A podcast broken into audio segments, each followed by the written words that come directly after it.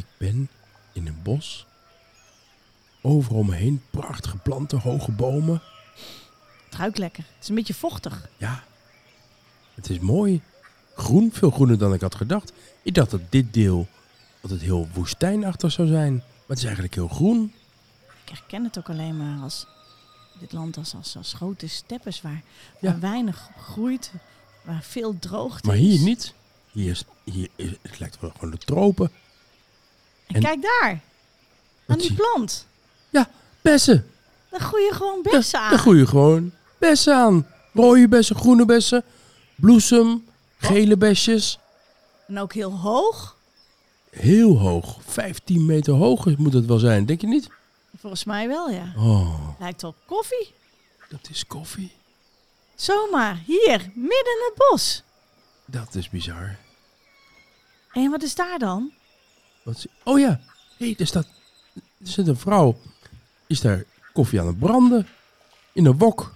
Ik zie het, ja. Ze heeft een soort schaal voor en dan komt rook vanaf en het ruikt inderdaad als koffie. En, en, en daarnaast staat een grote zwarte pot op het vuur. Weet je wat ze doet? Ze haalt de koffie uit de wok, doet dat in een vijzel. En ze vijzelt het, het vijzelt het. En vervolgens de gemalen koffie doet ze in de pot. En daarna, kijk nou, ze pakt de pot en een kopje. En met Oh, een lange, wauw. dunne straal schenkt ze koffie uit. Is dat voor ons?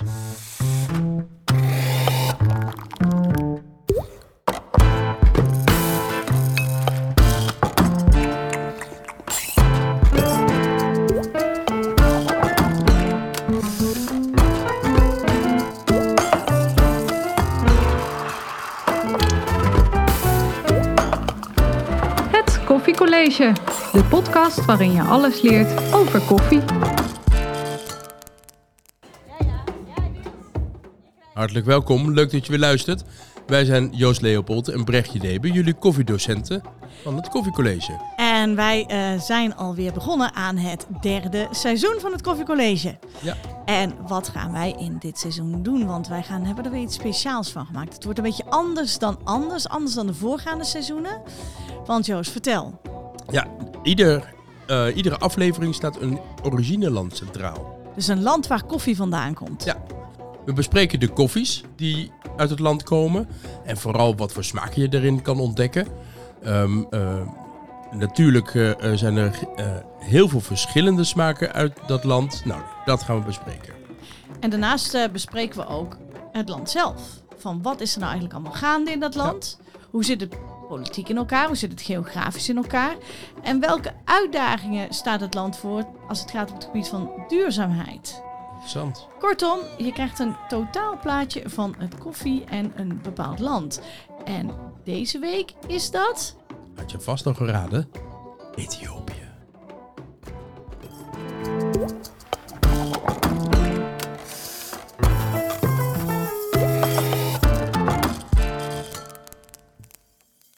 Ethiopië is het moederland, het vaderland, hoe zeg je dat? Ja, Van de, de koffie. geboorteplek De geboorteplek van de koffie. Ja.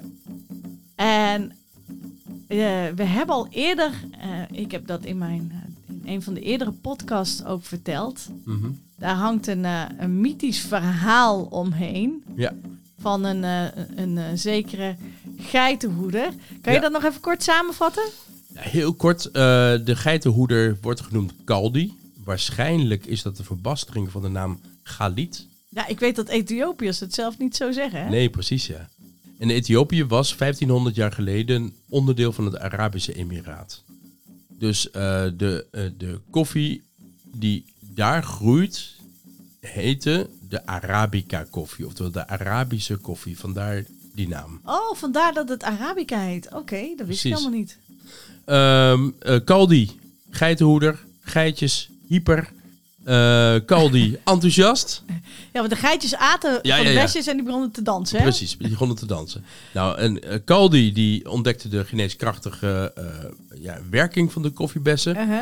De Soefis, de monniken van de islam, die Ethiopië als onderdeel hadden als het ware, die zagen dat gebruik van het eten en het drinken van de bessen en, en, en die konden dat niet toestaan. de monniken die pakten die bessen af, gooiden ze in het vuur en Mhm. zo is gebrande koffie ontstaan. Oké. Eh, ze hebben waarschijnlijk die koffiebonen snel uit het vuur gehaald. Toen ze heerlijk begonnen Ja. te ruiken, hebben dat verwerkt met water. En, zo- en zo is het een koffiedrank geworden. En, en als je nu dus... Dat is wel, ik- dat is wel bijzonder, hè? Want kof, eh, een, een hele mooie, bijzondere eh, ja, hoe heet het, eigenschap van Mhm. Ethiopië, hoe noem je dat? Karakter eh, van, eh, eh, karaktereigenschap van Ethiopië is het feit dat Ethiopië het enige land is waar koffie geproduceerd wordt, dus waar koffie groeit, maar waar koffie eigenlijk al dus al een eeuwen, eeuwenlange traditionele, Ja. culturele Ja, waarde heeft. ja en, en natuurlijk de boeken zeggen 1500 jaar. Mhm. Maar de mensen zelf zeggen duizenden jaren. Dat Koffie is al duizenden jaren. oud. Precies. Ja, dat, is- je weet nooit wat er precies van waar is. Eh, eh, we weten natuurlijk dat eh, het, eh, het, het op schrift stellen van de overlevering... dat gebeurde rond de Gouden Eeuw. Mhm. Weet je wel? Dus wat dat betreft eh, is het moeilijk te bepalen wat nou precies de waarheid is. We weten in ieder geval, het komt daar vandaan. Maar wat interessanter is om te weten, is dat Arabica niet de eerste koffiesoort was die er was. Oh? Eigenlijk is Arabica een dochterplant Oh ja? van de Robusta. Is dat zo? De Robusta was er veel eerder. Maar was die ook in Ethiopië? Nee, nee de Robusta was eh, de vaderplant als het ware en Eugenoides was Ja. de moederplant. Ja. En die hebben samen een kindje gekregen en dat werd Arabica. Ah, maar dat, En en, die- en, hoe kwam die Arabica dan in Ethiopië terecht? Of die was al... Die eh, vanuit het hart van Afrika. Congo, Uh-huh, dat is waar Canavora later is ontdekt. uh-huh. En Ehm, Canafora is robusta? En Canavora is Robusta, precies. Dat eh, bevindt zich in het hart van Afrika, in Congo. Dus daar is het in feite ontstaan. En de Eugenoides is eh, richting West-Afrika gegaan. Is daar ook, eh, ehm, eh, heeft, daar zijn andere soorten ontwikkeld. Liberica onder andere in Liberia. Uh-huh. Onlangs is daar de Stenophilia ontdekt. Oh ja. Ook in eh, West-Afrika. Maar naar Oost-Afrika is de Arabica eh, gegaan. En hoe dat dan gegaan is, I don't know. Maar het, eh, het schijnt zo te zijn dat dus Canavora de vaderplant is van de Arabica ko- koffie. Het is alleen zo dat Arabica veel eerder ontdekt is. Maar hoe weten ze dit dan? Ja. Dat vind ik echt eh, wonderbaarlijk. Ja, wetenschap een, hè? Dit is inderdaad eh agronomische wetenschap. Ja, En precies. zal misschien moeten ze een keertje iemand uitnodigen om eens hier wat meer over eh, te vertellen. Interessant, ja. Maar, maar nogmaals, dat is het, dat is het eh, eh, agronomische verhaal. Hè? Eh, maar wat ik, wa- wat ik dus heel bijzonder vind, is dat die Ethiopiërs dus zelf ook koffie drinken. Ja. En dat als jij in Ethiopië ergens op bezoek gaat, dat je... Ja, je, je kan daar, het is ook interessant, je kan op twee manieren koffie drinken. Eén manier, en dat is de meest, meest gedane manier in Ethiopië, is de jebena. Jebena is de zwarte koffiepot, als Ja. het ware, die eh, op het vuur eh, opgekookte koffie wordt. En die drinken ze dan drie keer. Die, drinken, die koffie drinken ze drie De keer. koffie drinken ze drie keer. Oftewel, ze koken hem op en ze zetten hem in de ochtend. En in de ochtend heet de koffie baraka. Ja. Dan vervolgens eh, in de middag wordt hij nog een keer opgekookt. En eh, bereid. Dus ze krijgen eigenlijk... Her- dan wordt diezelfde koken iets- her, heropgewarmd. Ja, wordt heropgewarmd en opnieuw bereid en, en van gezet. En dan heet het, ik dacht Abol. Mhm. A-B-O-L. En de derde keer, die naam ben ik vergeten. Nu uit mijn hoofd, ik kan het wel voor je opzoeken. Maar dat er wordt nog een derde keer opgekookt voor de avond. Oftewel in de ochtend is hij heel sterk en heel krachtig. Middag is hij mild en zacht. Dus en dan de weer avond water is bij? wat slapper. In de middag? Ja, ja, ze doen er iedere keer nieuw water bij. En dat koken ze dan steeds opnieuw op. Oké. Ja, Dus, dus het is, s ochtends eh, om wakker te worden en s'avonds is hij lekker slap, kan je nog lekker slapen. precies. Ja, dat idee. Dus dat idee misschien wel, ja. Ze kennen, eh, dit, dit is eh, de voornaamste drank. Mhm. De drank zelf heet Boena. De drank zelf heet Boena, niet Ja, café? dus nee, niet kaffa. Nee, Oké. Nee Boena. eh, en als je het woord Boena bekijkt, dan kan je daar ook het woord boon in ontdekken. Oh ja. Ja, dus de, de, eh, het zaadje, het pitje, wat wij koffieboon noemen, heeft een directe relatie tot die drank die gemaakt werd door de Ethiopiërs, de Boena. Oh, wat interessant. Ehm, ze hebben nog een tweede manier van koffie zetten. Eh, eigenlijk een der, eh, ze hebben er eigenlijk drie. De tweede manier van koffie zetten is dat ze thee maken. En waar ze filterkoffie in doen. Mhm. Geen idee waarom. Maar Thee maken als thee in Dus een, in een zakje of een zeefje. En, eh, Ja, precies. Of, Gewoon, thee, eh, thee zelf gewoon echt thee maken ze zelf. met blaadjes. Met theeblaadjes. ja, zeker. Ja, Zeker. En dan vervolgens schenken ze daar filterkoffie in. dus het is koffie-thee combinatie. Koffie-thee combinatie. Precies. Dat is de tweede drank. is heel populair. En de derde Dat drank. wil ik best wel eens een keertje proeven. Ja, ik heb het wel geproefd. Het is niet zo. Nee. Je moet veel suiker drinken, erin doen, dan is het wel te drinken. Ja. En de derde drank, en dat is echt de meest interessante drank, die is eh, eigenlijk een overlevering van een heel kort stukje, ik dacht een paar jaar maar, dat Italië geprobeerd heeft van Ethiopië een dictatuur, te, of nee, een, een, een kolonie te maken. Eh, je mag er zo meteen meer Ja, details daar, daar, over daar vertel ik over zo meteen nog wat over. Ja. Heel goed. Ehm, eh, maar van die tijd eh, is het eh, zo dat er nu overal in de cafés en hotels dat daar espresso-apparaten staan. Allemaal hydrocompresso, dus eh eh, hendelapparaten. Oh, dat is, ik weet wel, dat, is, dat, dat komt uit de tijd van de Tweede Wereldoorlog. Dat Precies. Mussolini eh, eh, Ja, vertel. alles ab- Ja, dat, dat, is heel interessant. Daar gaan we. Nee, vertel ja, even. Ik ja. Ga, ja, maar daar wil ik zo meteen nog wat over Oké, vertellen. goed. Dan, Dus eh, ik heb. eh, Ja, he- heel kort dan, die derde manier ja, ja, is espresso. Maar niet espresso zoals wij dat kennen. Espresso die, die zeer lang is doorgelopen. Mhm. We hebben het geteld, anderhalve minuut doorlooptijd. mhm. Ja, eh, zeer sterk. Gemaakt op doorgekookte melk. En dat noemen ze dan macchiato. Nou, dat is echt... dat vinden de Ethiopiërs zalig. maar jij niet. Nee, niet bepaald. maar vertel nou eens over die geschiedenis. Hoe zit dat met eh Ja, hoe zit het nou precies met Ethiopië en Italië? en Italië en de politiek? Want een hele bijzondere andere eigenschap van Ethiopië ten opzichte van eigenlijk alle andere koffielanden die we kennen, is dat Ethiopië nooit gekoloniseerd is geweest. Althans, er is een poging gedaan, maar eh, dat is niet echt eh, succesvol geweest. Maar nogmaals, Ethiopië op dit moment, eigenlijk de officiële naam van Ethiopië op dit moment is de Federal Democratic Republic of Ethiopië. En Ethiopië ligt in Centraal-Oost-Afrika. Dus als je het continent Afrika bekijkt, ga je naar het midden en dan naar het oosten. En de aangrenzende landen van Ethiopië zijn Kenia, Eritrea, Somalië, Djibouti en Soudaan. En verder grenst het land ook nog een stukje aan de Rode Zee. En daar hebben we dan ook de haven waar vanuit de koffie verscheept gaat worden. De hoofdstad van Ethiopië is Addis Ababa. En het land heeft ongeveer 108 miljoen inwoners. Eh, historisch gezien, tot aan de Tweede Wereldoorlog stond, was het Ethiopië een keizerrijk. En stond het bekend als Abyssinië. Dus heette het nog helemaal geen Ethiopië. Het was dus, zoals ik al zei, een van de weinige landen, en een van de weinige Afrikaanse landen dat nooit gekoloniseerd is. En dan komt het, de Italianen hebben dus geprobeerd om het te koloniseren. En die hadden een soort pact gesloten samen met de Ethiopiërs. Maar omdat er een taalfout in dat pact of in dat contract stond, of in dat verdrag stond, ontstond er een conflict, en ja, militair conflict tussen Italië en Ethiopië.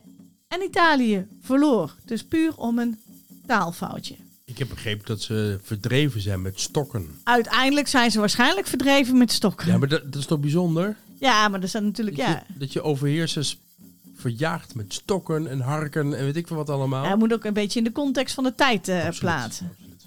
Nou, in de Tweede Wereldoorlog heeft Mussolini nog een poging gewaagd.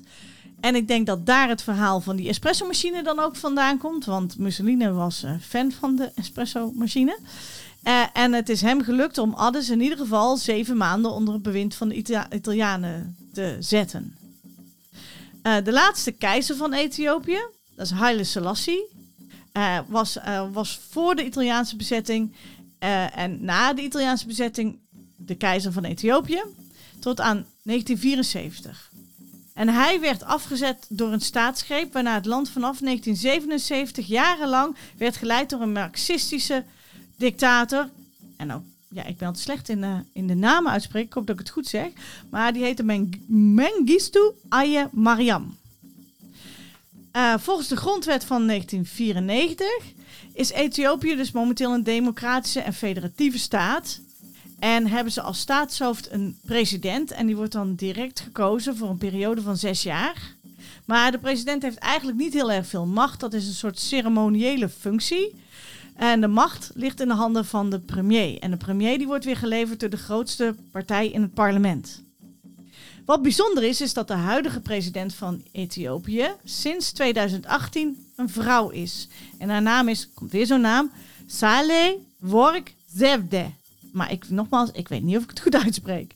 Zij is de eerste vrouw eh, die deze positie bekleedt. En ze heeft dus heel weinig macht. Maar ze heeft dus niet zoveel macht, want de premier heeft de macht. En de premier is Abi, A- Abiy Ahmed. En dat is, eh, dat is een man. Maar het kabinet van die, eh, van die premier bestaat wel weer voor de helft uit vrouwen.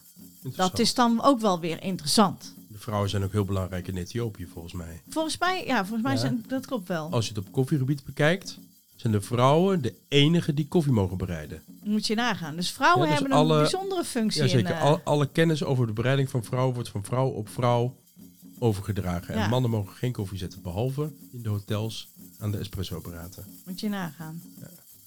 Ehm, en, eh, maar nogmaals even terug op het land zelf. Ethiopië is geen makkelijk land. Het lijkt nou alsof er een democratie is, maar er zijn continu eh, ruzies met buurlanden.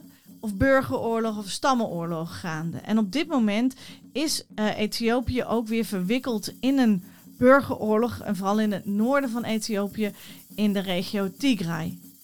En dat maakt het voor zo, ja, natuurlijk voor de inwoners van Ethiopië en ook dus voor de koffieboeren en koffiehandelaren behoorlijk ingewikkeld af en toe om hun werk uit te oefenen. Ehm, die oorlog die woedt in het noorden van Ethiopië tegen Soudaan aan, geloof ik. Het ligt een beetje tegen Soudaan aan. Somalië, volgens Zo. mij. Ja. Maar eh, Joost, waar zijn dan die koffiegebieden? Als je Niet daar in het noorden. Die niet, zit- niet nee, die zitten juist eerder in het westen en het zuidwesten van eh, Ethiopië. En, eh, en hoe, welke regio's kennen we? Ja, nou, eh, ehm, je moet even weten, ja, je moet even weten dat Ethiopië een gigantisch land is. Eh, eh, De True Size of Ethiopië, dat is een interessante website die je kan bekijken.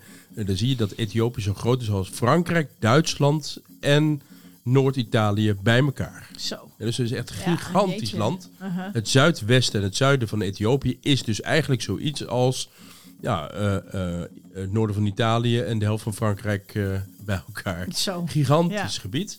Eh, de voornaamste regio daar, eh, eh, eigenlijk het land van herkomst, eh Kaffa, eh, bevond zich, bevindt zich vlakbij Jima. Mhm. Jima is een belangrijke regio. Eh, in het zuiden daarvan eh grenst dat aan Sidamo, of Sidama wordt allebei gezegd. Ja, Eh, dat grenst ook weer aan Yigachev. ja. En vervolgens hebben we Limu en Harar als eh, andere belangrijke regio's. Dat, is, dat zijn echt de regio's waar de koffie vandaan komt. En waar komt, nou, waar komt de, de, de, de moederplant vandaan? De was moederplant dus uit Kaffa. Met kaffa. En bij Jima in de buurt, eh, Bonga heet, heet die streek tegenwoordig. En het bos waar zich die moederplant bevindt is Mankira Forest. Bestaat die nog dan? Nou, die, die plant bestaat niet meer, want 1500 jaar geleden. Dat was ook een Was die plant daar? boom moeten zijn geworden. eh, maar er bestaat wel een nazaat van die plant. eh, Ja. En dat is een boom die inmiddels 300 jaar oud is. Zo, dat is koud. is echt gigantisch.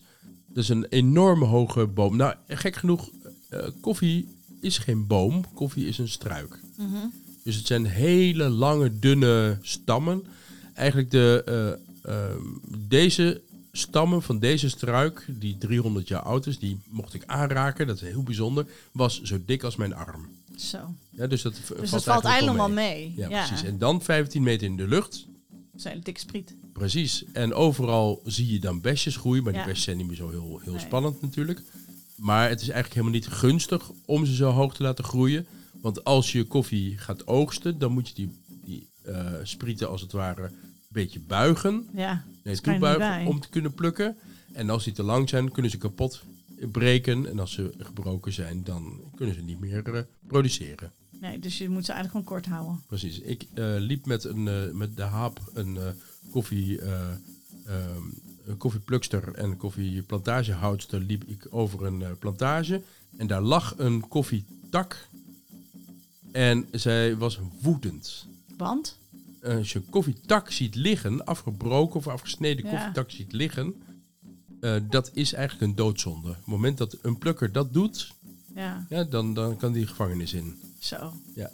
Maar zij, zij eh, ik, ik heb haar ook geïnterviewd en zij zei ook dat, ze- dat er heel veel... Kijk, omdat het allemaal in, in het wild is, is het ook af en toe heel moeilijk aan te duiden wie welk gebied heeft qua Ja. boer. Ja. En dat er dus ook heel veel ehm, eh, illegaal bij elkaar koffie gejat wordt eh, in, de, in de verschillende koffiegebieden. Dus dat ze dan s'nachts komen ze naar jouw gebied, er zit Ja. dan geen hekje om. Omdat Precies. het dus allemaal gewoon ja, wildernis is, als het ware. En dan gaan ze jou, eh, gaan, dan gaat je buurman als het ware jouw eh, koffieplantage leegrippen. Ja, dat is echt, echt een groot probleem. In de Makiro Forest eh, is wel een gebied aangeduid van hier tot hier, zeg maar. Ja, en het is verboden om daar koffie te plukken van de bomen zelf, van de Mhm. struiken zelf.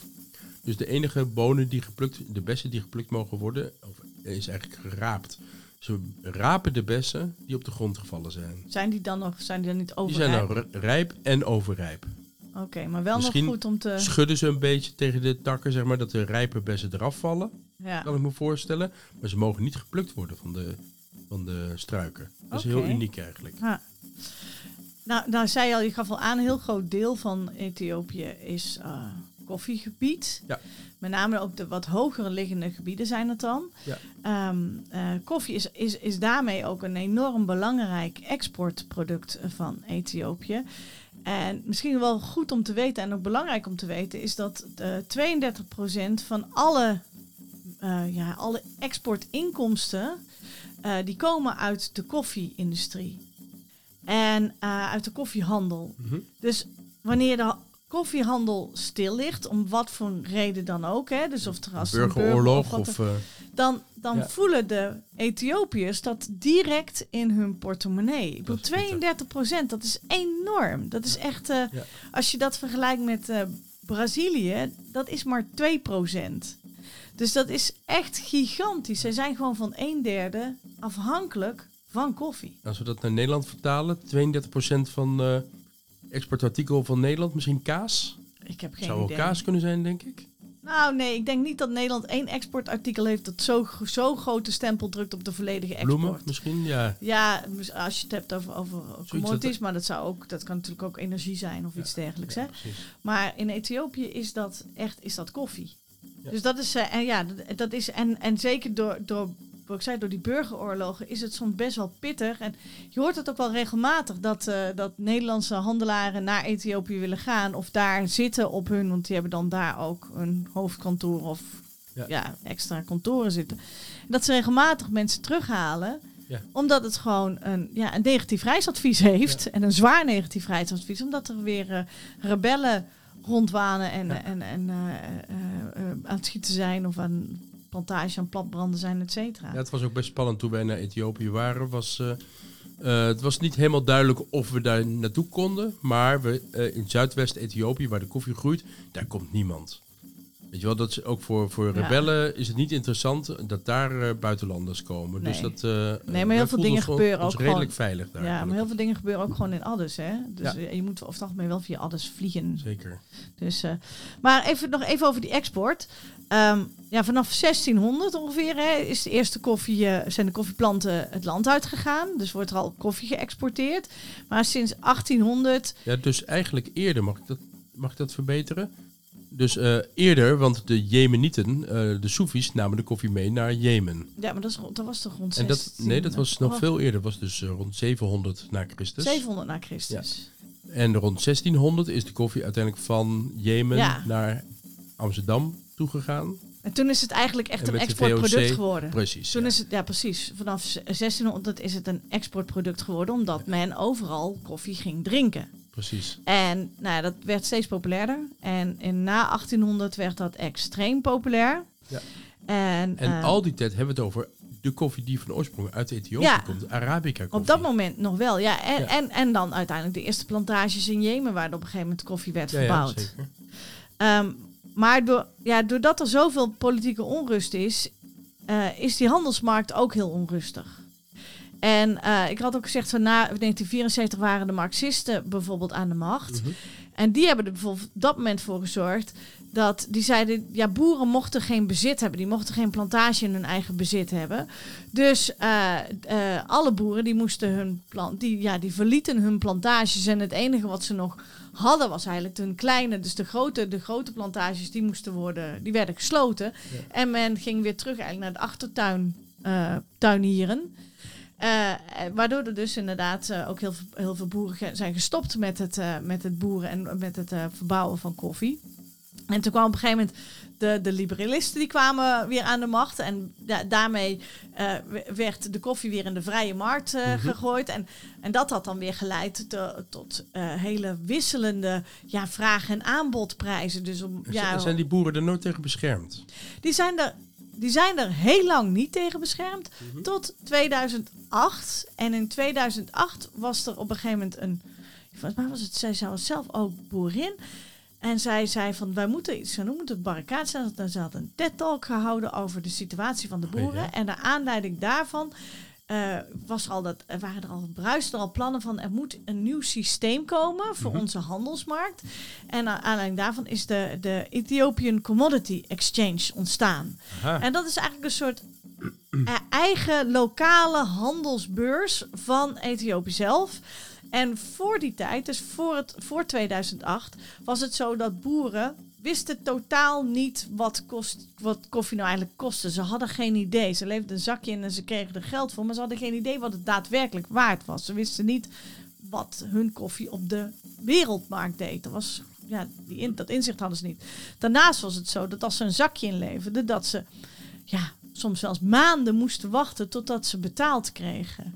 En als ze al betaald kregen, dan hadden ze geen bankrekening om dat op te stoppen. Dus ze konden niet een soort krediet, ze waren niet kredietwaardig en zo. Dus ze hadden eigenlijk een hele zwakke handelspositie. Mhm. Maar met die ACX werd er op een gegeven moment gezegd, nou, je kunt als boer kan je lid worden van de ACX.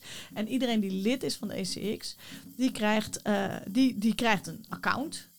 Een digitaal account. En eh, op het moment dat jij je zakje inlevert, dan wordt dat meteen, eh, dat geld wordt meteen op je Ah, account. Dus je werd slim. meteen uitbetaald. En eh, doordat alles wat digitaler was, kon, kon je dus, had je meteen inzicht van wat zijn nou de wereldprijzen. Dus krijg ik een eerlijke, of in ieder geval krijg Ja. ik in ieder geval de prijs die er ook wordt betaald in New York ongeveer voor mijn koffie.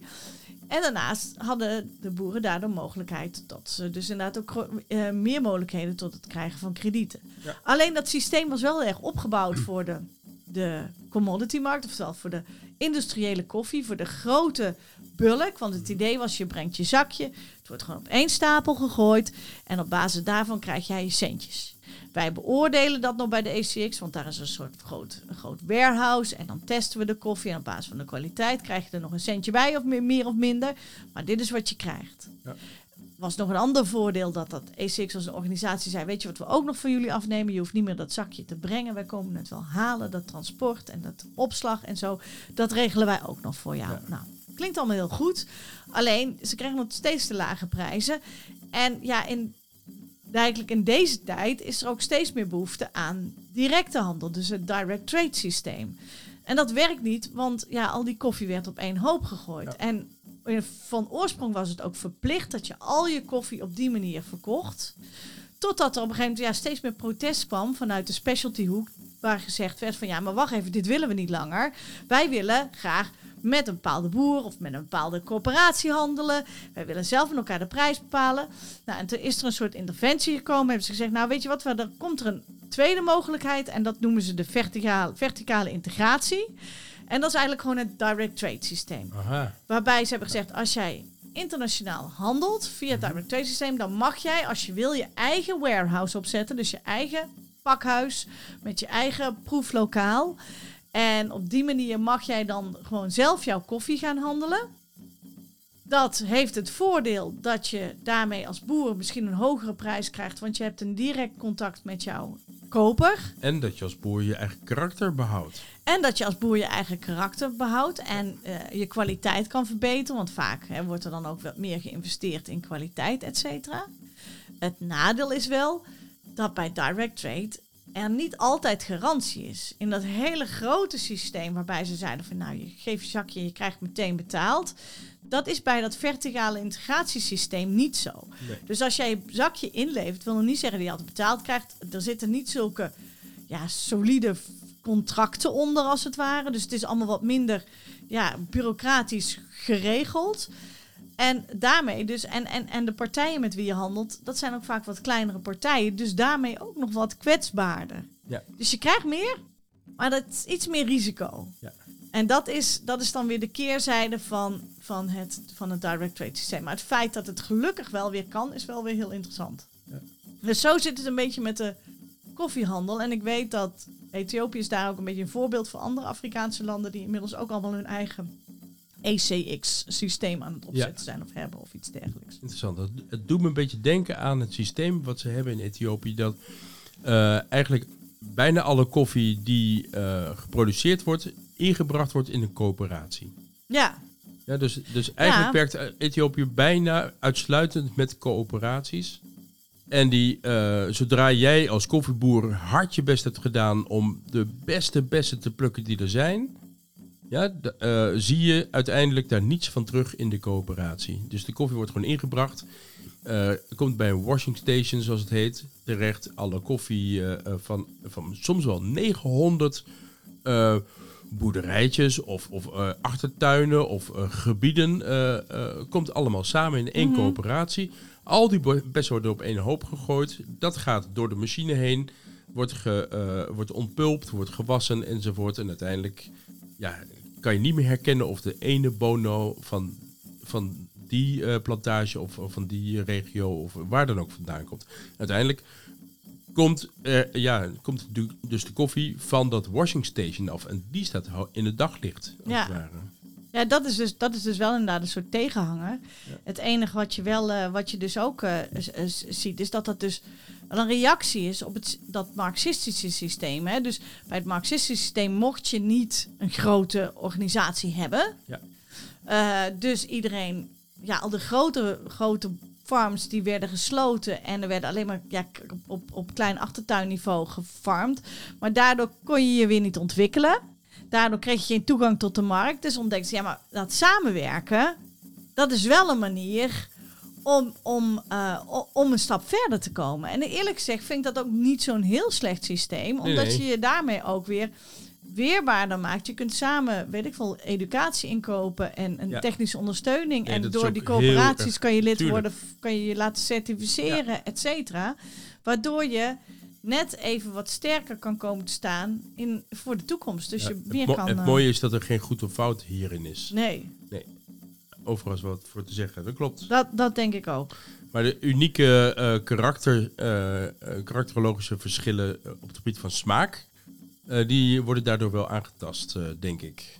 Ja, ka- kan je dat überhaupt zien? Hè? Want dit was inderdaad de, de historie. Maar natuurlijk, al die gebieden hebben ook Ja. hun eigen smaak. En je hebt natuurlijk Ethiopië versus de rest van de wereld. Maar ook Ja. al die regio's ten opzichte van Ja, elkaar. eigenlijk hebben we het niet meer over de wereld. De rest van de wereld doet nu niet de zaken. Alle, alle smaken die je overal in de wereld vindt, zijn allemaal terug te vinden in Ethiopië.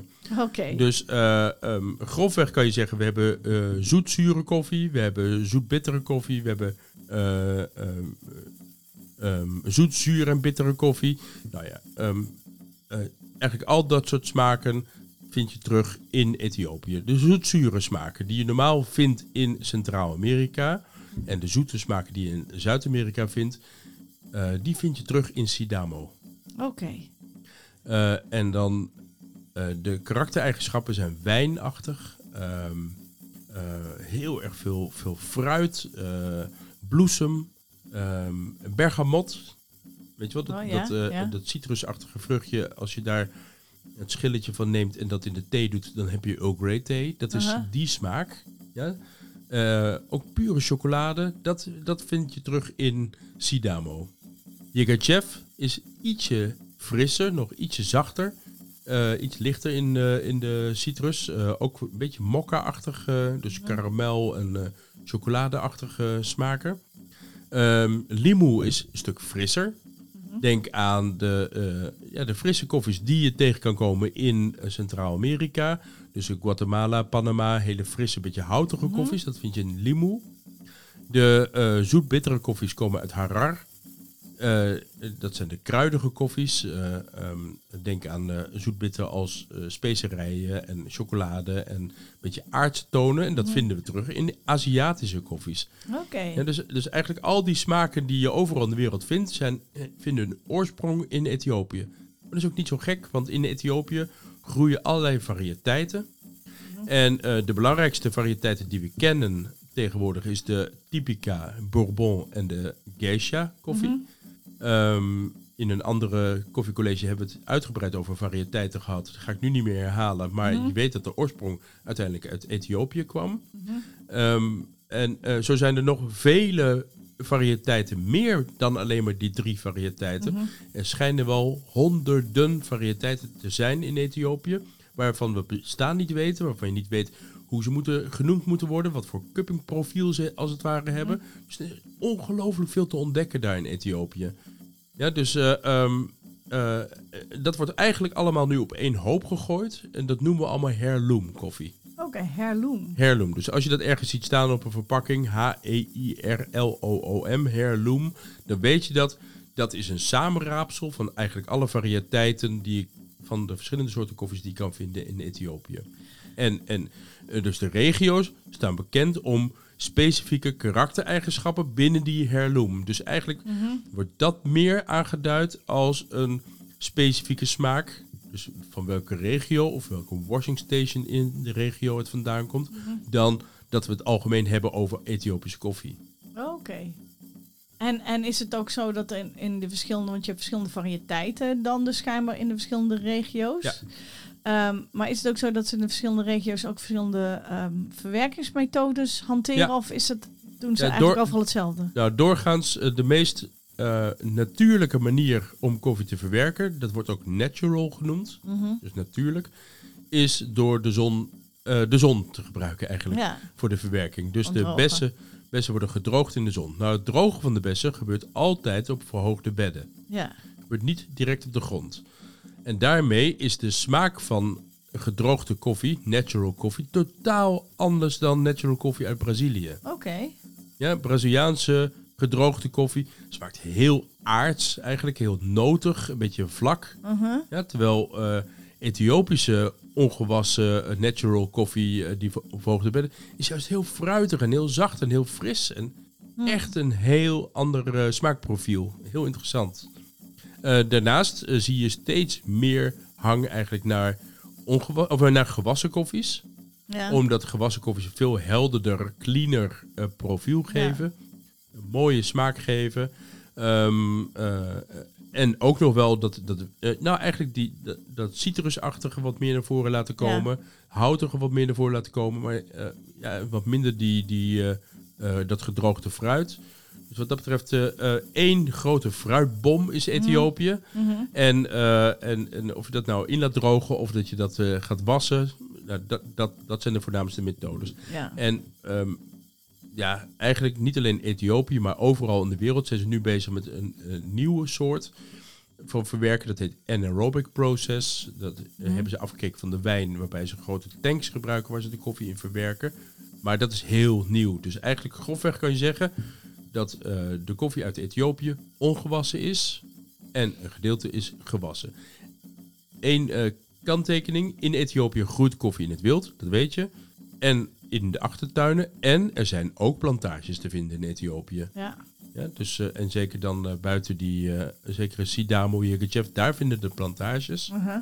Ja, en in Jima en Mankira enzovoort, daar zitten in de achtertuin. ja. Maar op gewassen koffie eh, vraagt natuurlijk ook om heel veel water. Heel veel. En Ja. Ethiopië is nu per uitstek een land wat, waar heel veel, vaak hele heftige droge periodes zijn. Ja.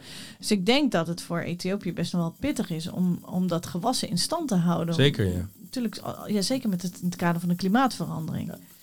Ehm, daaraan toe te voegen, dat is een leuk bruggetje misschien ook wel, Mhm. Is dat er ooit een onderzoek gedaan is naar eh, het effect van klimaatverandering in Ethiopië. En dat is dan tevens even de, een van de grootste uitdagingen misschien wel in Ethiopië. Namelijk het feit dat eh, als er, ja, als de aarde zo blijft opwarmen zoals die het nu doet. En wij dus zoveel eh, CO2 blijven uitstoten als wij nu doen. Dan eh, is er onderzocht dat er over eh 50 jaar niet of nauwelijks meer koffie te vinden is in Ethiopië. Ja, dat is. En dat ja. heeft dus te maken met het opwarmen van de aarde. En de beperkte mogelijkheid eigenlijk voor de koffieboeren om ja, je te verplaatsen. Want je kunt je wel verplaatsen naar iets minder warme gebieden, maar die liggen vaak hoger op bergen. En hoger op bergen is altijd iets minder eh, toegankelijk en iets minder ruimte. Los daarvan, je moet natuurlijk ook geen eh, bossen gaan kappen om vervolgens je plantages te maken, want dan is dat weer niet goed voor de CO2-uitstoot. Ja. Dus dat is een soort averecht effect. Maar dat is wel heel ernstig. En zeker als je dan even terugkijkt naar die 32% exportwaarde. Dan, ja, als, we, als er dus dan inderdaad nog maar bijna dus zo'n 70% eh ja, koffieverlies is in Ethiopië.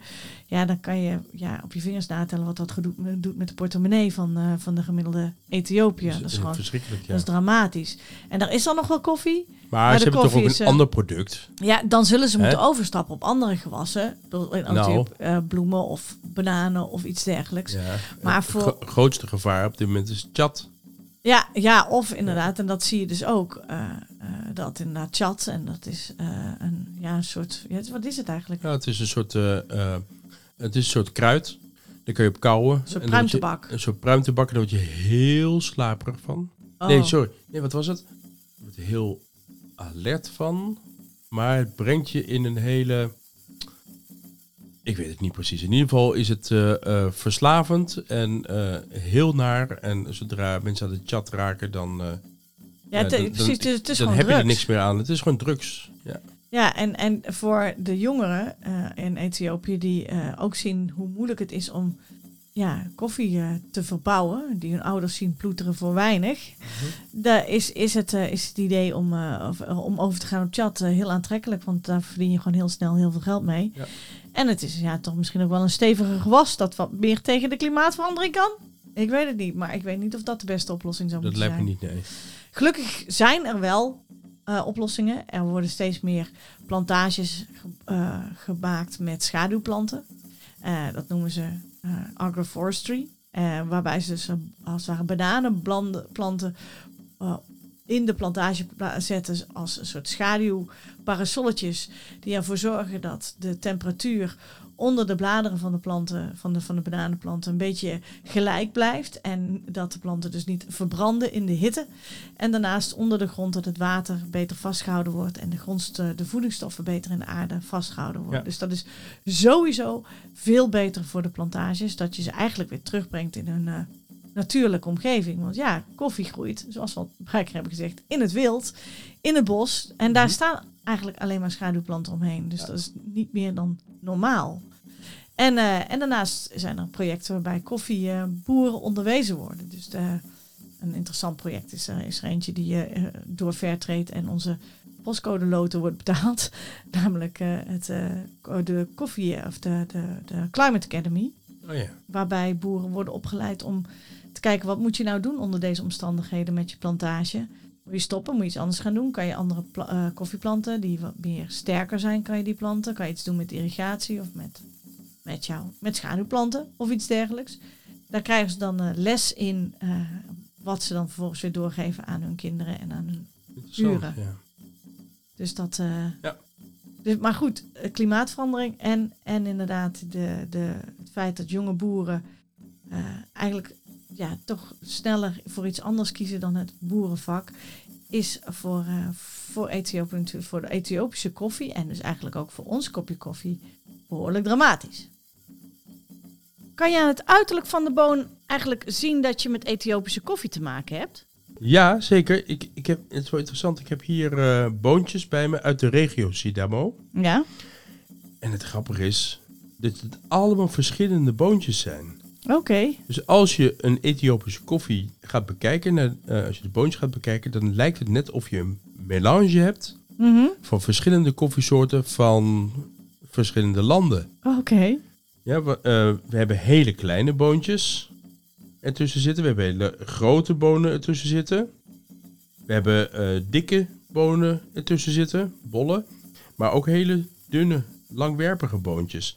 En die zie je eigenlijk best wel vaak. Die hele langwerpige, hele dunne boontjes, dat zijn wel boontjes die je vaak ziet in Ethiopische koffie. Dat is specifiek Ethiopisch. Specifiek Ethiopisch.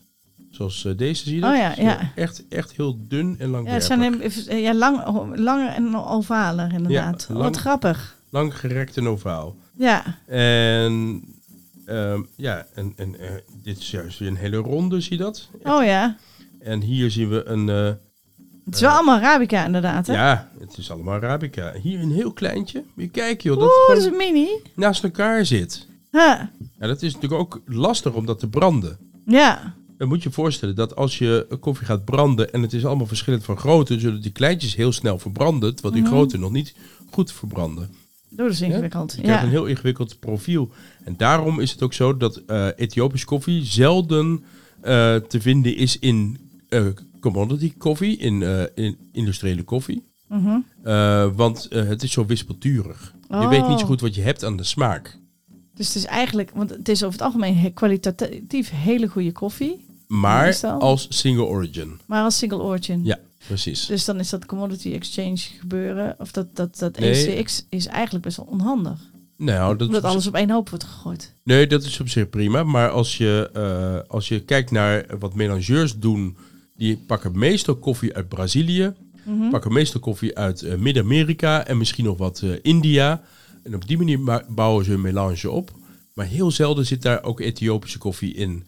Als er Ethiopische koffie in zit, dan is er, is er geen garantie dat, eh, dat die dit jaar hetzelfde smaakt als het volgend jaar. Want volgend jaar is het gewoon een, een ander gewas, als het ware, lijkt het wel. Een andere smaakprofiel. Eh, ehm, ja, je, weet niet zo goed wat je eraan hebt. En dat Aha. is tegelijkertijd ook wel weer het mooie van Ethiopische koffie. Het is een ontdekking. Oh. Een feest, feest der ontdekking. En niet een feest der herkenning, als het ware. Ja. Ja, dus je ontdekt iedere keer weer nieuwe smaken uit die Ethiopische koffie. Omdat het uit wild komt en niet in een plantage verbouwd is. Oh, dat is wel heel interessant. Hey, maar je had het net over dat dan in het eh, wi- wild, of dat het dan gedroogd is. Ja. Ik zie, dit is, zijn geen gedroogde bonen. en Dus hoe zie je dat? Doordat ze een, een eh, geel nerfje erin Yes, hebben zitten. yes. Ik heb opgelet. Jij hebt opgelet, heel goed. Maar hoe zit Over, dat? over het algemeen, hè? Ja, Dat zie je. Een paar, niet hè? Een paar zitten juist in een hele donkere nerf. ja. Is dat Ja, dat is- gedroogd? Nee, dat, die, ja, die komen toch uit dezelfde batch. Dus het kan zijn dat die dan, omdat ze zo droog of hol waren, dat ze dan sneller eh, ontbrand zijn zijn. Ja, Ja. Maar over het algemeen zie je gele nerfjes, dus gewassen koffie. Ja.